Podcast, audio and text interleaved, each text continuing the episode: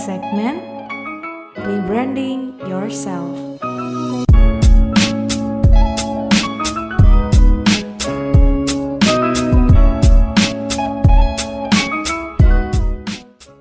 Oke, halo sahabat Quarterians, balik lagi nih di podcast kita yaitu Quarter Life Talk yang pada segmen kali ini adalah masuk ke segmen Rebranding Yourself. Jadi pada segmen ini kita akan berfokus pada pengembangan diri Quarterians semuanya. Nah, uh, pada topik kali ini, ini merupakan uh, topik yang menarik banget karena mungkin ada beberapa masalah yang menyangkut Quarterians pada quarter life crisis, yaitu ada beberapa dilema kayak misalnya milih nikah dulu atau melanjutin karir dulu nih atau kayak uh, kerja sesuai passion atau uh, kerja berdasarkan apa yang didapat. Nah, pasti banyak banget dilema-dilema yang dirasakan oleh Quarterians di sini. Nah, karena itu Quarterless Project mengundang narasumber yang kece banget, yaitu ada Kak Fika Soraya Alhadar. Nah, mungkin boleh kenalan dulu nih Kak Fika. Halo, selamat pagi, siang, sore semuanya. Halo Zidan dan juga teman-teman, salam kenal. Aku Vika dari alumni Psikologi UIN Jakarta.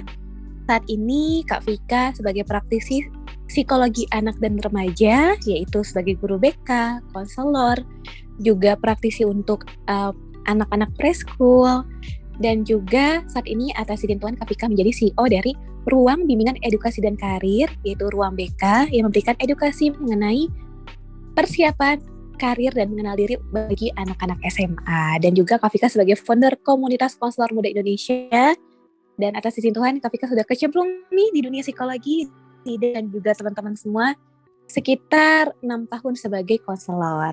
Seperti itu mungkin dek kira-kira Oke sih, udah mantep banget nih perkenalan dari Kavika dan pastinya teman-teman juga pasti udah penasaran banget gitu ya. Kavika di sini mau sharing-sharing seputar pengalamannya bagaimana sih menghadapi dilema-dilema pada kuartal krisis ini.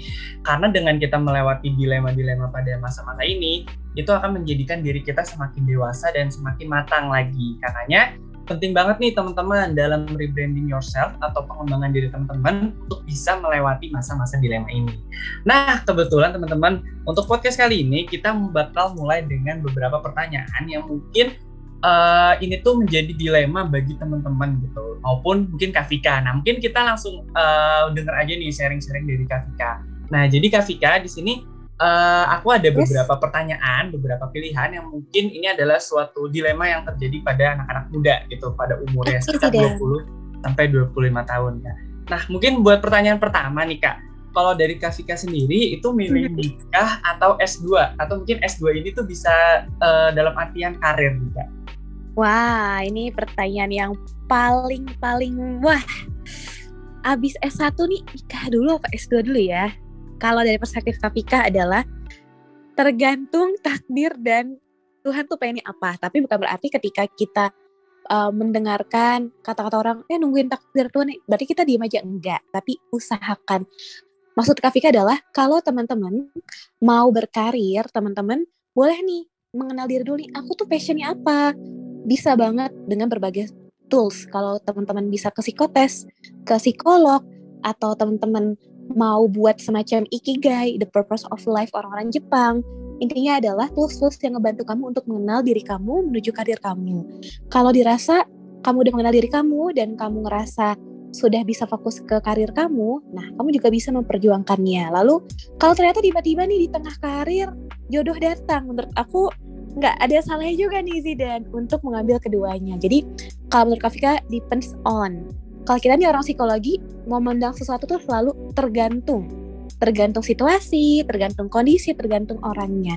Sesuai kalau kalau ditanya nikah dulu atau S2, perjuangkanlah dua-duanya.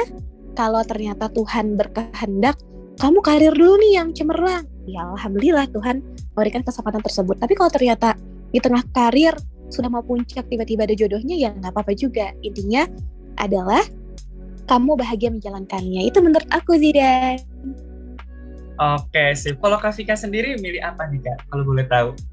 Kalau saat ini karena belum menikah ya, jadi dulu sih pengennya gini nikahnya tuh umurnya 22 tahun pengennya gitu ya Zidan ya tapi sekarang udah yeah. 26 tahun akhirnya ya fokus karir dan ternyata atas izin Tuhan bisa ketemu sama Zidan dan teman-teman dari Quarterians dan akhirnya kayak oh iya berarti Tuhan tuh pengennya aku karir dulu nih.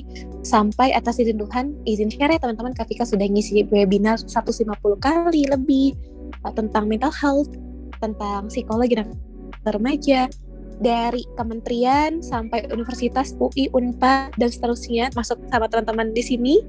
Lalu dari pengalaman tersebut justru ngebuat Kafika kayak oh iya aku jadi konselor aku jadi praktisi psikologi anak dan remaja, aku bekerja berkarir, wah ternyata aku juga sedang mempersiapkan jadi seorang mama loh ke depannya. Kenapa? Karena kalau kita belajar psikologi itu kita belajar juga jadi orang tua ya, Zidan iya nggak sih?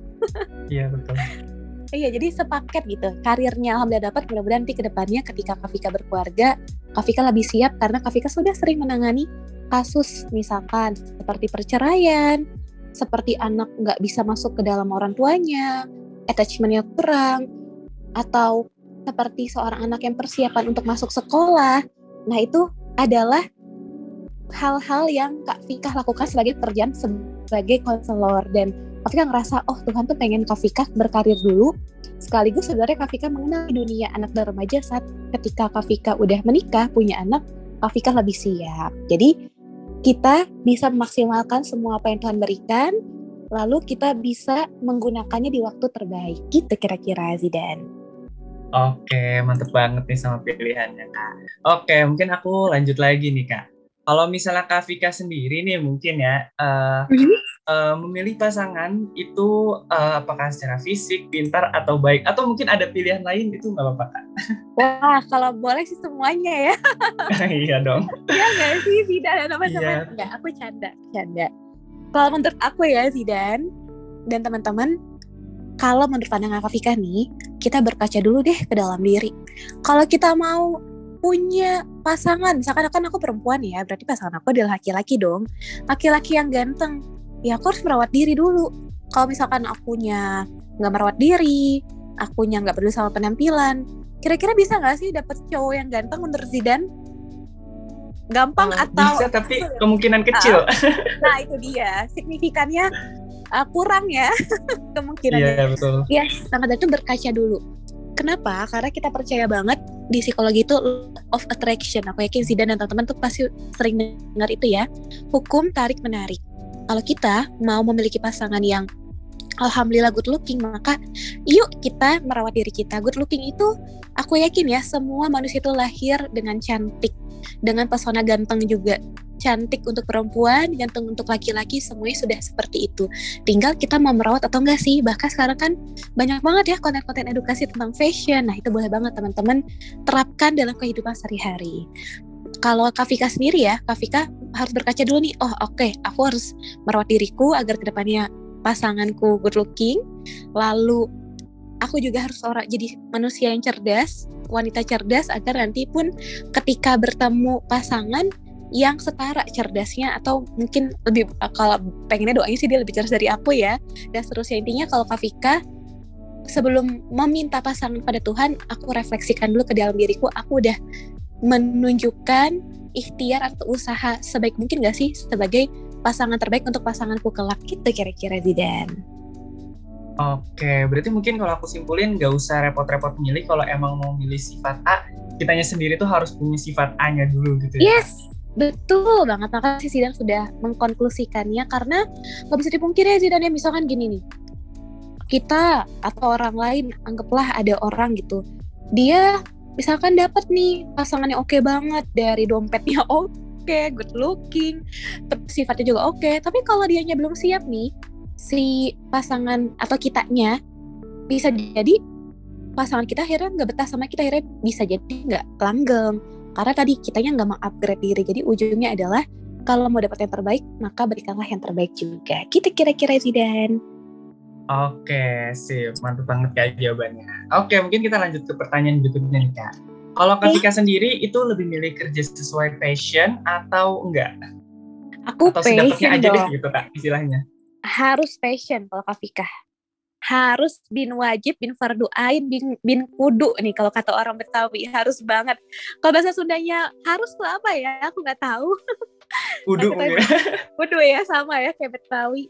Kenapa? Boleh aku jawab, Zidan? Boleh boleh kak. karena kebetulan atas kesimpulan Kak Vika juga belajar ilmu psikologi karena Kak Vika sarjana psikologi.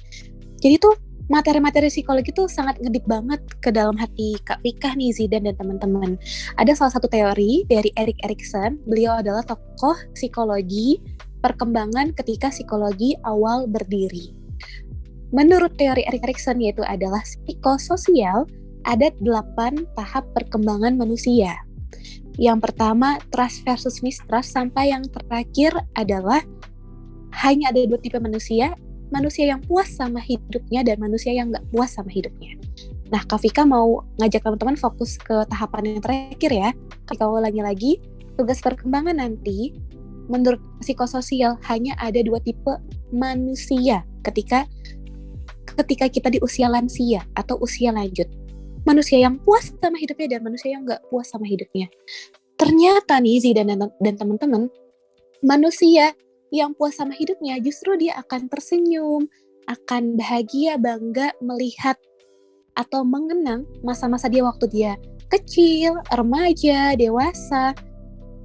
Meskipun pernah gagal, sering gagal, tapi itu akan jadi bahagia buat dia karena dia telah pernah mengusahakan sebaik-baiknya dalam memilih kesempatan tersebut.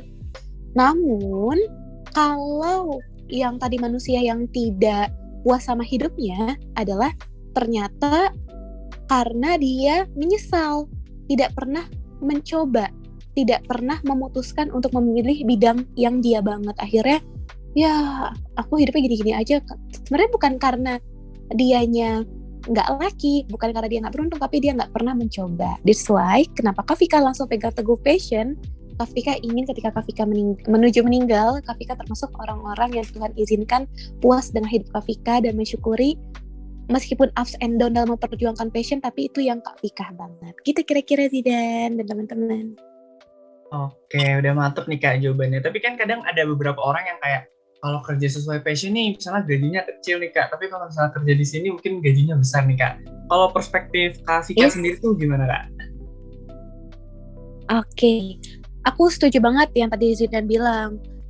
Iya kalau misalkan dengan passion mau nggak mau ini ya gajinya kecil to the, to the, to be honest aku juga ngerasain gitu banget sih dan misalkan teman aku gajinya udah dua digit bahkan udah bisa beli apartemen dalam rumah kayaknya kok aku belum ya segala macam dan seterusnya. Tapi buat aku pribadi sih dan itu worth it. Kenapa? Karena yang aku lihat dari para seniorku psikolog senior, misalkan seperti Mbak Tika Bisono, seperti yang teman tahu mungkin kayak Kak Seto, ataupun psikolog-psikolog lainnya, yang Kak Vika lihat petnya atau termnya biasa di psikologi itu adalah baru jadi psikolog terkenal ketika udah mengabdi belasan tahun. Biasanya petnya kayak gitu tuh Zidan. Kenapa sih kok belasan tahun baru dapat misalkan gaji yang sangat cukup terus juga kenapa udah lebih stabil ya? Karena kita konsisten dengan bidang yang sama. Akhirnya kita terlatih terasah. Ibarat kata kayak psikolog kalau masih baru-baru ya belum tentu semua uh, dari calon klien-kliennya tuh kenal tentang psikolog tersebut. Tapi kalau dia udah konsisten lima tahun jadi psikolog fokus di bidang tersebut 10 tahun 15 tahun bahkan 20 tahun jadi psikolog yang benar fokus di satu bidang tersebut pasti orang akan percaya nih oh kalau mau psikolog parenting ke Rafaela Ade aja. Oh kalau mau psikolog tentang pendidikan ke Vika Soraya aja. Jadi tuh orang udah kenal. Kayak kita ke dokter kadang kan cocok-cocokan ya dan cocokan itu. Ya, karena basic experience dari dokter tersebut psikolog juga dan juga nggak cuma psikolog sama dokter seluruh seluruh semua dari karir menurut menurutku itu kuncinya adalah konsisten dan kenapa? Karena ketika kita konsisten dengan bidang tersebut, pada akhirnya kita akan lebih terasah. That's why meskipun passion itu rasanya kok susah banget ya untuk dapat budget yang sesuai, tapi Kak percayalah itu akan worth it ketika kamu konsisten dalam satu dekade atau 10 tahun. Karena Kak lihat banget ya, orang-orang yang di psikologi ketika yang mereka termasuk dosen-dosen kami yang fokus di sana, sekali ngisi webinar aja ya bisa 5 juta, bisa 20 juta loh. Keren gak sih Zidan? Kalau kita mau komit. Nah, itu dia. Oke, okay, boleh jawab lagi sebenarnya Kenapa kak? Yes, boleh jawab lagi gak? Boleh, boleh Eh, Kak, boleh. Iya. Duh maaf ya Zidan, Kak Vika izin potong dan teman-teman karena aku saking semangatnya nih mau menjawab yang lain. Boleh kah? Ya, boleh Kak, boleh Kak. Jadi Kak Vika mau jawab juga. Tapi kalau misalkan ternyata aku sandwich generation atau aku nih adalah tulang punggung keluarga, mau nggak mau aku harus menunda passionku dulu. Gak apa-apa. Teman-teman sekarang silakan kerja untuk kebutuhan fisiologi eh, fisiologis kamu alias kebutuhan sandang, pangan, papan kamu nggak apa-apa banget sembari kamu kerja di tempat tersebut yang dapat mencukupi basic needs kamu, sembari jangan lupa kamu bisa asah skill kamu sesuai dengan passion kamu. Misal, ada alumni psikologi nih, dia pengen jadi psikolog, tapi ternyata belum dapet pekerjaan yang psikologi banget. Dia harusnya tuh kerjaan tuh di perusahaan, terus ya nggak apa-apa. Sembari nyicil, mungkin dia ikut pelatihan, ikut webinar, jadi ilmu tentang psikologi ketika menjadi psikolog tuh nggak terputus gitu kira-kira jadi kalau teman-teman ngerasa belum menemukan pekerjaan yang passion banget karena teman-teman har- mengharuskan untuk memenuhi kebutuhan hidup nggak apa-apa tapi jangan lupa ditambah belajar dikit-dikit bahkan boleh banget teman-teman justru dengan uang yang kamu dapatkan di tempat ini kamu kumpulin, kamu tabung bahkan bisa jadi modal kamu untuk ke depannya memperjuangkan passion kamu. Itu kira-kira Zidan menurut Kak. Oke, jawabannya udah lengkap banget Kak. Kalau aku mungkin simpulin tuh yang penting adalah konsisten dan kalau emang karena situasi tidak memungkinkan ya udah berarti Yes. eh, coba jalanin dulu aja gitu ya. Yes, sembari belajar terus ya di bidang Iya, passion iya. kita. Oke, nah kalau misalnya Kak Vika sendiri nih mungkin seiring dengan berjalan waktu eh, sekarang mungkin kayak pemikirannya lebih ke idealis atau realistis nih Kak. Wah, ini pertanyaannya sangat menjebak ya. Iya. Terkadang jujur ya, dan teman-teman, aku masih idealis, terkadang realistis. Namun akhir-akhir ini ketika sudah menginjak usia 25 tahun ke atas lebih ke realistis. Kenapa? Karena aku ngerasa idealis itu muncul banget, banget, banget, banget usia 20, 21, 22, 23, 24 masih lah. Tapi kalau udah 25 tuh kayak, hey, lo tuh harus sudah berpijak di kaki lo sendiri. Lo tuh harus bisa mandiri gitu. That's why pada akhirnya aku lihat ya di diriku sendiri dan juga teman-teman sekitarku ataupun atas izin Tuhan ketika udah ngisi webinar tadi 150 kali dan ketemu ribuan orang ujung-ujungnya ya sosial Kafika mereka memilih realistis karena memang tuntutan kehidupan untuk mereka mandiri dan mereka bisa survive di kehidupan gitu kira-kira Zidan menurut Kafika namun kalau kamu masih pengen megang idealis kamu boleh banget. Tapi kalau misalkan udah di usia kita 25 tahun ke atas tuh boleh idealis tapi uh, kalau kita idealis terus tapi kita tidak mengenal dunia apa adanya nanti kita bisa terjebak di quarter life crisis ya sesuai dengan yang teman-teman bahas. Bahkan itu akan menyinggung mental health kita. Gitu kira-kira Zidan Hmm, oke oke. Siap kak. Oke, nah kalau menurut Kak sendiri ini kak, sebenarnya tuh apakah setiap orang tuh bakal dihadapkan oleh pilihan-pilihan tersebut gak sih kak di masa-masa umur 20 sampai 25 mungkin? Siap Zidan, makasih pertanyaannya apakah setiap orang akan menghadapi dilema-dilema dalam pilihannya kalau Kafika mengatakan iya. Kenapa? Karena ada teorinya loh dalam ilmu psikologi bahwa sesungguhnya Zidan, Kak Fikah, dan teman-teman semua ini kita mengulang sejarah. Ternyata yang kita rasakan di quarter life crisis sekarang nih, itu dirasakan loh oleh orang-orang sebelumnya, entah orang tua kita, entah kakak kita, om kita, tante kita, dan seterusnya. Dan ini adalah hal yang lumrah, hal yang wajar. Mengapa? Karena di psikologi kita mengenal ada yang namanya jalur perkembangan manusia. Jalur manusia ini adalah teori dari Elizabeth B. Harlock, Santrok, bahwa manusia itu tuh punya fase-fasenya loh di kehidupan. Kenapa? Karena fase-fase tersebutlah yang membentuk diri kita saat ini. Artinya, diri kita saat ini adalah kumpulan-kumpulan kita di masa lalu. Pertanyaannya, apakah kumpulan kita di masa lalu itu dari 10 tahun yang lalu, Kak Vika, atau yang kemarin doang? Hmm, enggak. Tapi dari fase janin. Kak Vika mau sharing ya ke teman-teman mengenai tugas perkembangan dan jalur perkembangan. Jalur perkembangan manusia itu tadi yang pertama fase janin. Ternyata kepribadiannya Zidan, kepribadiannya Kafika, dan quarter alliance itu sudah terbentuk dari fase janin loh. Entah secara kognitif atau pola pikir kita, kemampuan kita berpikir, sampai psikologis kita, fisik kita itu sudah sangat terbentuk di fase janin. Bukan hanya secara fisik doang loh, oh ada tangan, ada kaki, ada kepala, tapi psikologis juga sudah sangat terbentuk dari fase janin. Lalu di psikologi tidak langsung ada fase bayi, tapi ada fase neonatal, yaitu adalah 14 hari kehidupan pertama. Kenapa ya di psikologi tuh nggak langsung fase bayi tapi ada fase neonatal? Hmm, karena banyak challenge loh ketika di fase neonatal, mungkin kalau teman-teman pernah dengar ada baby blues, apalagi untuk orang tua pertama ya, jadi seorang papa pertama kali, sebagai mamah pertama kali, wah ada pastinya, wuh luar biasa. Yang kemarinnya mungkin tidurnya masih aman-nyaman ya, tiba-tiba sekarang ada teriakan bayi dan seterusnya.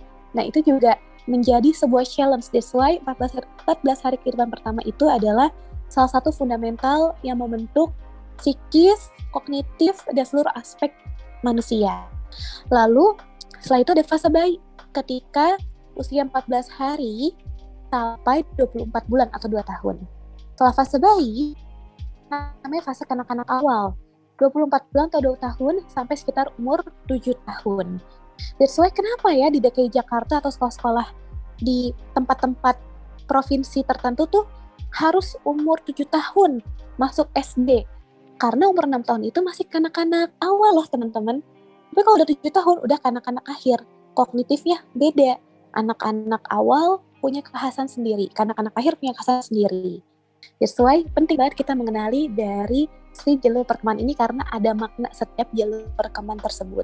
Lalu ada fase kanak akhir yaitu 7 tahun sampai 12 13 tahun atau ketika kita SD. Lalu inilah gejolak pertama kali nih yaitu adalah ketika masuk remaja remaja itu umur 12 tahun itu adalah remaja awal atau kalau di Indonesia biasanya ketika SMP sampai kelas 1 atau 2 SMA. Lalu ada fase remaja akhir yaitu adalah usia 17 18 sampai usia 22 tahun. Nah, makanya kenapa ya kok ada yang namanya quarter life crisis seperti project teman-teman saat ini nih? Quarter life project ngebantu orang-orang quarterians yang ngerasa KLC Kenapa sih ada KLC dari sudut pandang psikologi adalah karena adanya perubahan ketika umur 22 tahun atau 20-an sampai 40 tahun itu adalah fase dewasa al. Misalkan ini, kita dulu waktu masih baru nih, semester 2, semester 4, kita tuh masih bisa hihi kayak anak remaja ya karena kita fasenya masih di remaja bahkan remaja akhir. Tapi kenapa ya kok udah fase skripsian? Udah teman-teman aku udah pada kerja udah dia nikah kok kayak aduh dunia tuh kayak aduh wah segala macam. Ya karena tadi kita sedang transisi dari fase remaja akhir ke dewasa awal. Barulah aku tuntaskan dulu ya teman-teman ya. 40 sampai 60 tahun adalah dewasa media atau dewasa tengah 60 tahun ke atas adalah lansia atau usia lanjut. Balik lagi ke pertanyaannya Zian Apakah tiap orang akan mengalami dilema dalam memutuskan? Iya. Kenapa ya? Kok KLC itu yang paling ngedip banget sih Kafika? Atau ketika kita transisi nih usia 20-an tuh paling ngedip banget. Kenapa? Karena ketika kita sudah dewasa, kita dituntut untuk memiliki tugas perkembangan yang berbeda di, eh, di dari fase sebelumnya itu adalah remaja. Kafika mau sharing ke teman-teman bahwa Kenapa ya psikologi tipis-tipisan nih jalur perkembangan? Jawabannya adalah karena setiap jalur perkembangan tersebut punya tugasnya masing-masing. Sekali lagi, setiap jalur perkembangan tersebut punya tugasnya masing-masing. Nah, apa sih tugas di usia dewasa awal atau ketika kita ngalamin fase KLC ada empat menurut Elizabeth B. Harlock. Yang pertama adalah ketika kita mencari dan menemukan pasangan hidup karena menyatukan dua kepala, dua pribadi itu nggak mudah ya teman-teman itu challenge. Lalu yang kedua adalah membina kehidupan rumah tangga tentu kita nyari pasangan dulu dong, baru membina kehidupan rumah tangga itu juga nggak mudah gimana menyatukan dua keluarga, mau sukunya sama pun bisa jadi value keluarganya berbeda. Ma, apalagi yang sukunya beda, wah itu adaptasinya makin luar biasa lagi. Lalu yang ketiga, tugas perkembangan fase dewasa awal menurut Elizabeth B. Harlock adalah meniti karir. That's why lumrah banget nih misalkan kayak gini, kok temen aku gajinya udah gede ya, kok aku gini-gini aja? Ya aku gaji gede sih gede tapi kan nggak passion bla bla bla. Nah itu adalah proses karena kita memang sedang untuk mengarah meniti karir. Itu adalah tugas perkembangan di dewasa awal. Dan yang terakhir yang keempat adalah ketika kita dapat berkontribusi kepada lingkungan kita. Apalagi kalau udah di fase dewasa awal nih Zidan dan teman-teman kita makin banyak perannya. Contoh misalkan buat orang yang sudah menikah di usia dewasa misalkan umur 25 tahun sudah nikah ya atau umur 28 tahun udah nikah udah punya anak dan kerja berarti bagaimana dia bisa berperan sebagai seorang istri dari suaminya atau uh, suami dari seorang istri uh, lalu dia berperan uh, sebagai seorang ibu dari anaknya. Dia juga berperan se uh, sebagai seorang anak dari orang tuanya. Dia juga berperan sebagai seorang anak dari mertuanya.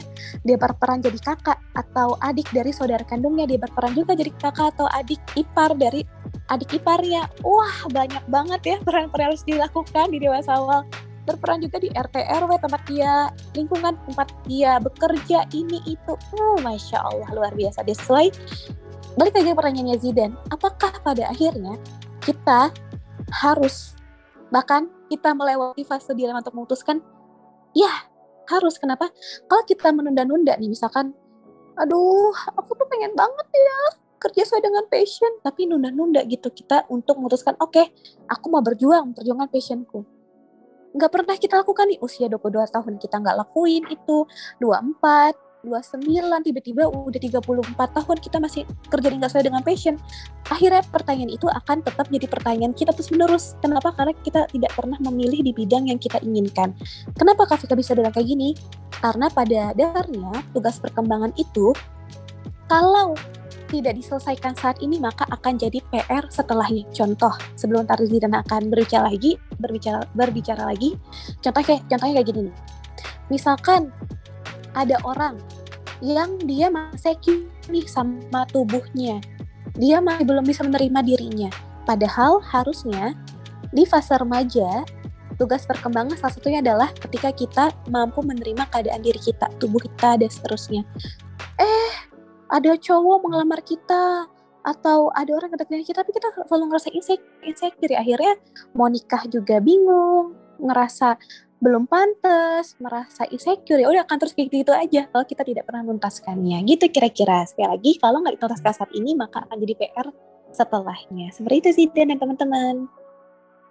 Oke, berarti kalau aku simpulin, setiap orang tuh pasti akan melewati masa ini dan emang harus dilewatin lah ya, istilahnya yes. kayak uh, apa ya, melewati checkpoint ya kak. Jadi kalau misalnya yes.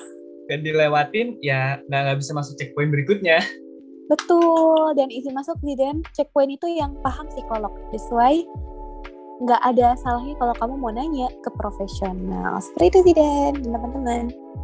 Oke, siap Kak. Nah, kan kalau misalnya emang nih Kak, setiap orang itu uh, bakal melewati masa-masa dilema tersebut nih. Kalau yes. dari Kak Vika sendiri nih, gimana sih cara menentukan pilihan-pilihan tersebut tuh dengan bijak gitu, dan kita tuh bisa yakin dengan pilihan itu? Oke, terima kasih Dan. Kata kuncinya menurutku adalah kenali diri dulu.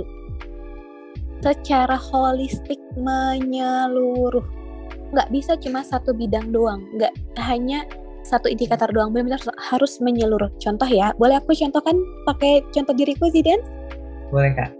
Oke, makasih deh. Misalkan tentang Kak Vika mau lanjut profesi apa nih? Profesi psikolog klinis anak kah? Profesi psikolog klinis dewasa kah, psikolog pendidikan kah, atau psikolog industri dan organisasi kah, dan seterusnya. Jujur, Kafika dalam menjawab itu pun butuh refleksi selama empat tahun. Dari dulu nih Zidan dan teman-teman Quarterians, Kafika pengen banget jadi dokter anak. Eh, kodarullah nih masuk psikologi akhirnya ya. Yaudahlah psikolog anak gitu.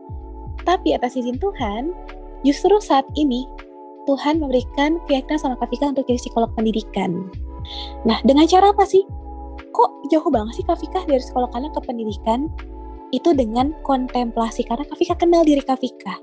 Jadi ketika Kafika melalui berbagai hal dalam menangani klien atau Kafika dalam menjalani kehidupan, entah itu pekerjaan atau kehidupan secara relationship Kafika dengan keluarga, dengan teman, dengan organisasi, dengan ini, dengan itu, bla bla bla bla bla. Lalu Kafika kenali segala aspeknya dan ternyata jadi kesimpulan nih, oh iya, ternyata setelah aku coba telaah kenali diri, ternyata aku lebih nyaman jadi psikolog pendidikan. Psikolog pendidikan itu adalah yang membantu seseorang dari nol ke plus, yaitu adalah semacam ngebantu orang untuk people development, meningkatkan yang sudah ada ditingkatkan. Tapi kalau psikolog klinis, yaitu adalah mohon maaf uh, dari minus ke nol, ngebantu orang yang atas izin Tuhan diberikan special gift uh, dengan minusnya, lalu kita bantu supaya dia ke arah netral. Misalkan di dunia anak-anak ya, psikolog anak itu megang, mohon maaf seperti anak-anak autism, anak-anak special needs seperti Down syndrome dan seterusnya bagaimana mereka dapat belajar dengan baik, mereka memahami materi itu nggak mudah banget Zidan dan teman-teman. Dan Kafika refleksi ke dalam diri. Kafika pernah jadi shadow teacher, shadow teacher yang megang anak speech delay, ADHD, autism. Lalu Kafika saat ini jadi guru BK. Kafika refleksi nih ke dalam diri alias refleksi dalam tanda kutip adalah mengenal diri.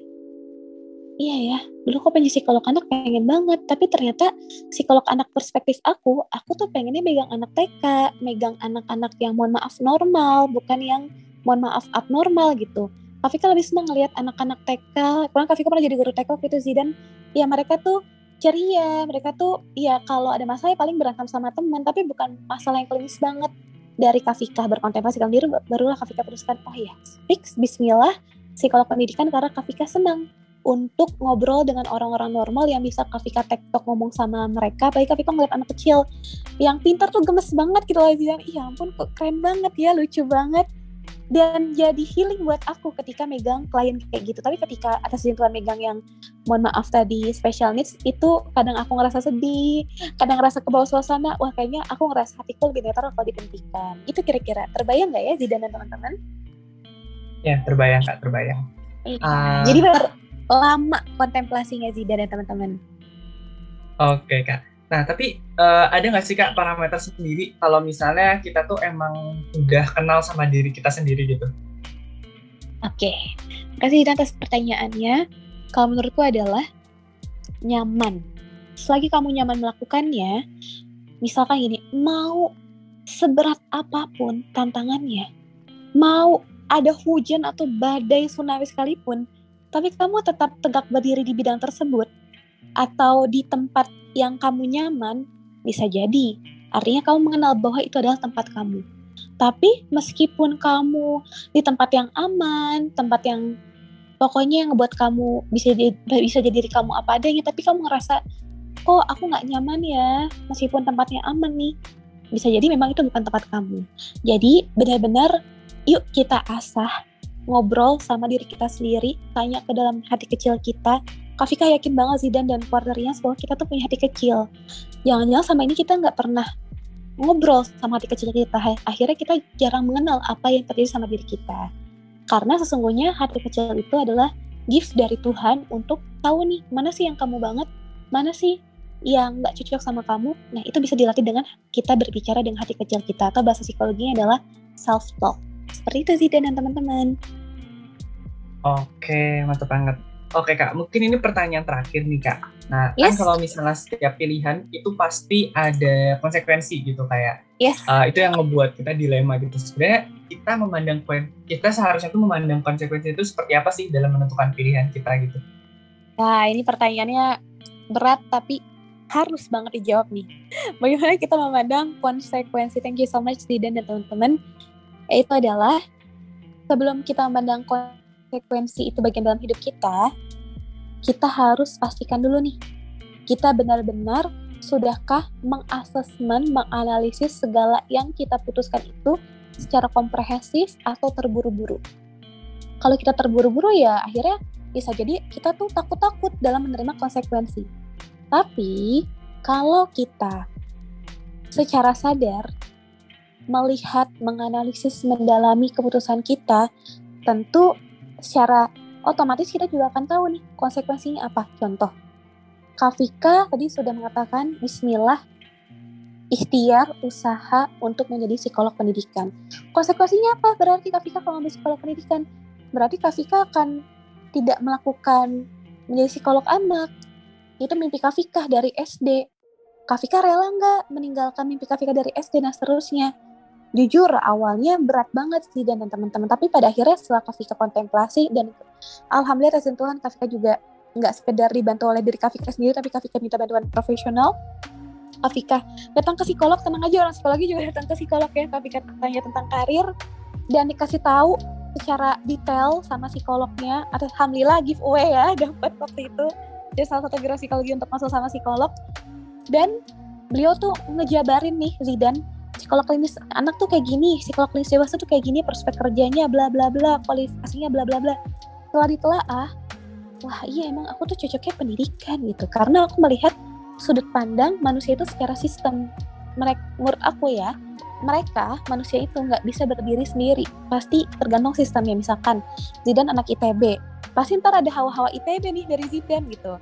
Oh misalkan ada anak UB dari tim Quarterians ya berarti ntar ada hawa-hawa UB ya karena kan mereka terkena dampak dari sistem universitas tersebut maka dari itu nggak ada salahnya untuk sebelum kita memutuskan kita mengenal konsekuensinya dengan cara apa? Dengan cara perbanyak informasi dan ilmu.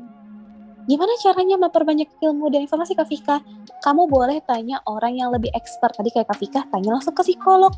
Apalagi psikolognya psikolog pendidikan yang memberikan perspektif bagaimana menjadi seorang psikolog pendidikan. Kak Fika juga nanya ke psikolog anak. Jadi intinya adalah, kamu tuh mau nggak sih untuk mengenal diri kamu? Kamu mau tahu nggak? Kamu mau nggak sih untuk mengenal bidang yang mau kamu ambil atau perusahaan yang kamu ambil plus minusnya apa kalau kamu udah kumpulin infonya udah kamu udah kumpulin ilmunya dan kamu merasa kamu udah cukup untuk memutuskan maka putuskanlah akan lebih aman kamu putuskan dengan banyak info dengan banyak ilmu karena itu menjadi sebuah preventif ke depannya ketika menghadapi resiko seperti itu kira-kira tidak Oke, mantap banget jawabannya Kak. Mungkin kalau misalnya aku simpulin dari awal sampai akhir, kalau misalnya yes. setiap orang itu pasti bakal ngelewatin masa-masa dilema dan emang harus apa ya istilah itu harus uh, bisa melewati masa-masa pilihan-pilihan itu ya Kak. Dan itu tuh uh, sebagai kunci untuk kayak apa ya perkembangan dari diri kita gitu. Jadi uh, perkembangan diri kita menjadi dewasa adalah dengan bisa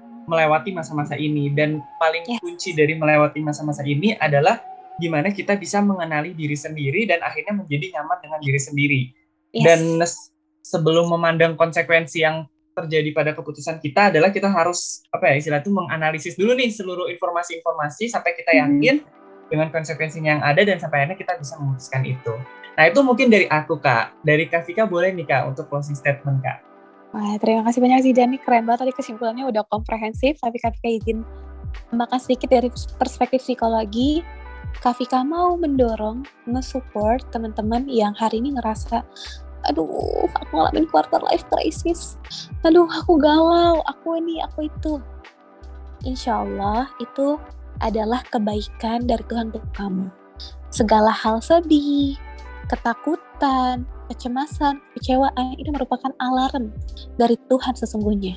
Coba deh bayangin teman-teman. Kalau kita nggak punya rasa takut kita nggak punya rasa jijik, nggak punya rasa emosi negatif, hidup kita nggak punya rem dong. Tapi dengan Tuhan memberikan kita emosi negatif itu sebagai sebuah alarm dari Tuhan bahwa eh ini maknanya, eh itu maknanya misal seperti kita takut berarti ada apa nih uh, di balik ketakutan tersebut atau kita kecewa ada apa nih di balik kecewaan tersebut kenapa karena di psikologi ada tiga kecerdasan. Sekali lagi ada tiga tipe kecerdasan atau intelijensi. Ada pertama IQ, pasti teman-teman udah sering dengar ya, intelligence question. Lalu ada EQ, emotional question, dan terakhir SQ, spiritual question. Kalau IQ itu adalah seberapa kita memahami konten materi secara kognitif. Kalau emotional question adalah bagaimana kita dapat mengendalikan emosi kita. Mungkin dulu ketika usia zaman orang tua kita yang paling dilihat tuh IQ gitu. Yang penting tuh orang pinter. Tapi ternyata ketika mungkin di zaman om kita atau di zaman kita nggak cukup pinter. Kalau pinter nyakitin orang, pintar merugikan orang ya itu nggak akan diterima juga di masyarakat makanya muncullah EQ tapi sekarang yang namanya ilmu sains itu seiring waktu akan terus berubah dan akan terus beradaptasi dan akan terus banyak lagi ilmunya ya. That's why muncul namanya SQ spiritual question. Ternyata nggak cukup loh kita punya IQ yang tinggi atau IQ yang tinggi, tapi juga harus disertai dengan SQ spiritual question. Apa sih SQ itu? SQ itu adalah kemampuan intelijensi untuk kita dapat menangkap makna-makna dan nilai-nilai dari setiap hal yang pernah kita hadapi, yang Tuhan izinkan, termasuk rasa kecewa, termasuk sedih, marah, emosi negatif. Itu akan jadi kebaikan banget kalau kita dapat melatih, oh iya aku tuh sedih untuk ternyata karena kejadian kayak gini ntar ke depannya kalau ada hal yang sama, aku bisa lebih bersiap dan seterusnya. Intinya adalah nikmati semua yang kamu rasakan saat ini karena itu adalah tanda kasih sayang dari Tuhan. Tuhan percaya sama kamu. Siapa tahu ke depannya dengan kamu konsisten dalam mengusahakan perbaikan dalam hidupmu, kamu tetap berkembang, bertumbuh meskipun dalam rasa yang sakit dan terjatuh, tapi kamu tetap bangkit. Mungkin ke depannya ketika kamu sudah selesai dengan fase tersebut, kamu akan rindu dengan fase tersebut, atau kamu akan tersenyum puas, ikhlas, damai, bahagia karena telah melewatinya bahkan ke depannya kamu bisa membantu banyak orang. Karena kita adalah manusia yang akan terus mengulang sejarah yang sama seperti manusia-manusia sebelumnya dan orang yang akan lahir setelah kita pun juga akan mengulang sejarah sama dengan kita. Mudah-mudahan ke depannya kita bisa lebih banyak membantu banyak orang dengan cara kita ngebantu diri kita dulu saat ini. Seperti itu kira-kira Bidan. Oke, mantap. Terima kasih banyak Kak untuk pemaparan materinya udah sangat komprehensif dan sangat insightful banget. Nah, paling kuarterian segitu aja nih buat podcast kali ini yang berjudul One Step Keluar dari Penjara Dilema. Semoga bisa menjadi insight bagi kuarterian untuk bisa melewati masa-masa di quarter life crisis. Uh, aku Zidan, selaku moderator pamit undur diri. Terima kasih banyak teman-teman yang udah mendengarkan dan jangan lupa untuk selalu dengerin terus quarter life talk. Terima kasih teman-teman.